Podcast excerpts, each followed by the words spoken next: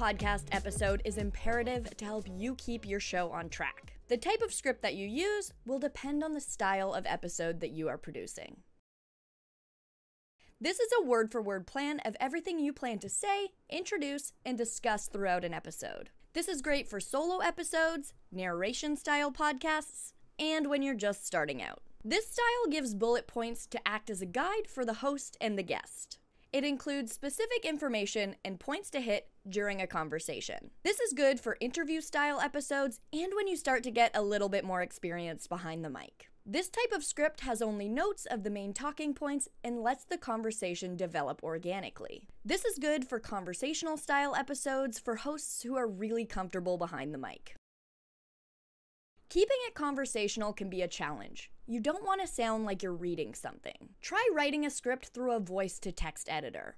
Google Docs has a free tool that comes in handy for this. Read your script out loud ahead of time and make sure that it feels conversational. Add any delivery notes on your script to indicate when to laugh, when to breathe, when to take a pause, anything to make you stay on track and sound more natural. Rather than writing your script and your questions word for word, you can add notes like follow up to allow yourself to go off script throughout the recording. That being said, be mindful of rambling and tangents. But remember, if you don't like what you say, you can always edit it out later.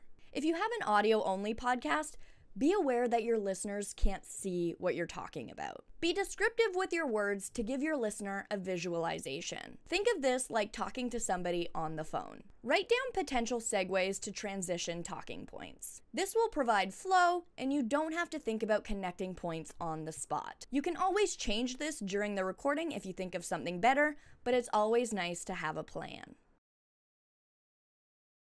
Coming into a recorded conversation with no plan can be nerve wracking. Having a script allows you to enter the recording process feeling prepared.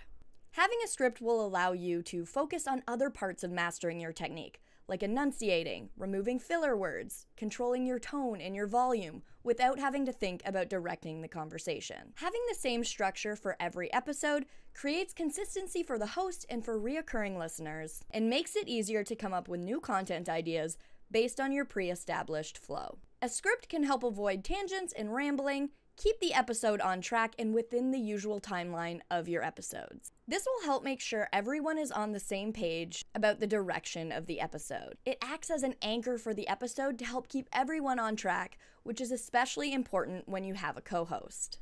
Planning ahead gives you time to make your episode more unique and engaging from other podcasts.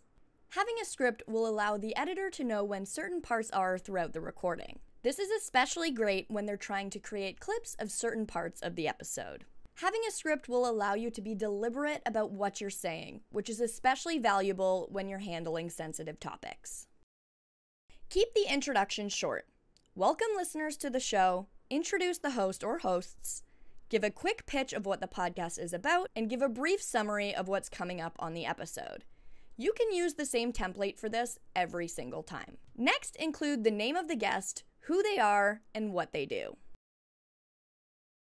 You can write your main talking points out word for word or as bullet points to help you stay on track. It's a good idea to include estimated timestamps here to help make sure you keep the episode on track. The way you format this section will differ depending on the style of podcast you have. Start with the main topic.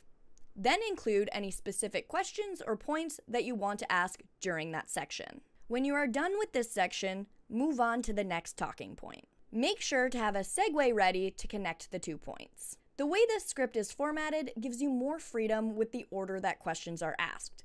This allows you to make the interview or the conversation sound more organic. Once you've hit all your main points, thank your audience for listening, give a quick recap of what was covered in the episode, announce any events, upcoming episodes, or promotions, include your socials, and make sure to have some sort of call to action. Thanks for watching this video. If you learned something new, then make sure to hit that thumbs up button and leave a comment letting us know what other podcast script tips that you have.